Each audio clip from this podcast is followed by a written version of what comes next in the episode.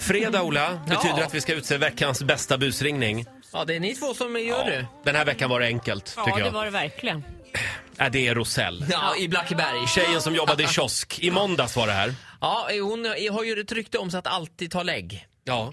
på folk när de köper cigaretter. Men jag ringer från Social- Socialstyrelsen. Och, Hon har eh, fuskat. Hon har fått en anmälning på sig här. Vi ringer. Hallå. Hej, Ja, hej. Peter Karlberg från Socialstyrelsen. Har du en minut?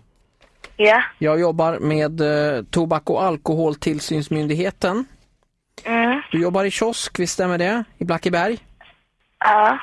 Bra. Eh, vi har fått in en anmälan från en orolig förälder eh, till en kille som Ja. heter Magnus som har eh, han har alltså köpt cigaretter utav dig i kiosken och han har inte fyllt 18 år. Magnus. Han heter Magnus ja. Okej, för det första, med all respekt, jag säljer inte ut cigg utan att jag ser legitimation. Rosell, Ja. nu råkar det vara så att jag vet att du har sålt till Magnus Lyssna. Ja, hur ser jag det som bevis? Du kommer bli ansvarig nu för att du, Varsågod, ge det du kan och så får vi se hur det går till. man måste titta legitimationen på alla som handlar.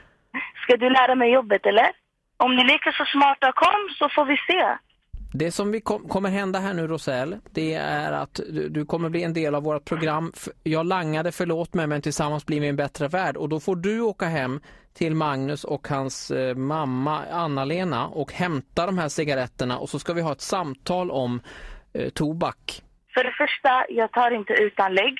Till att börja med så måste vi ju eh, prata om eh, att du inte kan bete dig så här när du jobbar i kiosk. Va? Du måste be om legitimation. Det är jätteviktigt. Lyssna, för det första, alltså du kan inte sitta och komma och prata så här när du inte har något bevis och du ska förvänta dig att jag ska ha respekt mot dig. Peter Karlberg heter jag. Jag jobbar på Socialstyrelsen och jag har alltså fått in en anmälan mot dig Rosell. Och du kan inte sitta och komma och anklaga mig för sådana Så saker. det du riskerar det är att du får uppgraderad åldergräns, att du får inte handla på systemet förrän du är 45 år gammal. Ja, men det är ingen fara.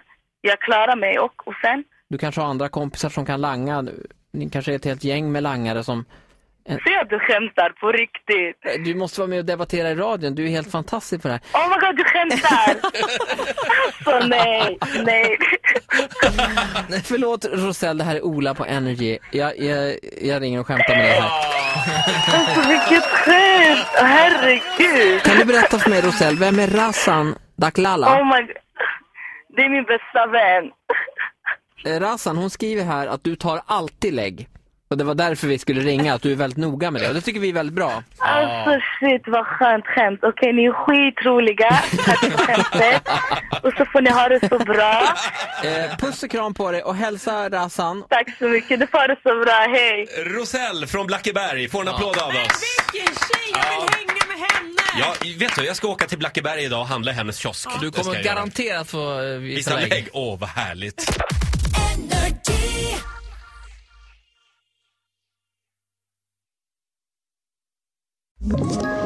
Ett poddtips från Podplay.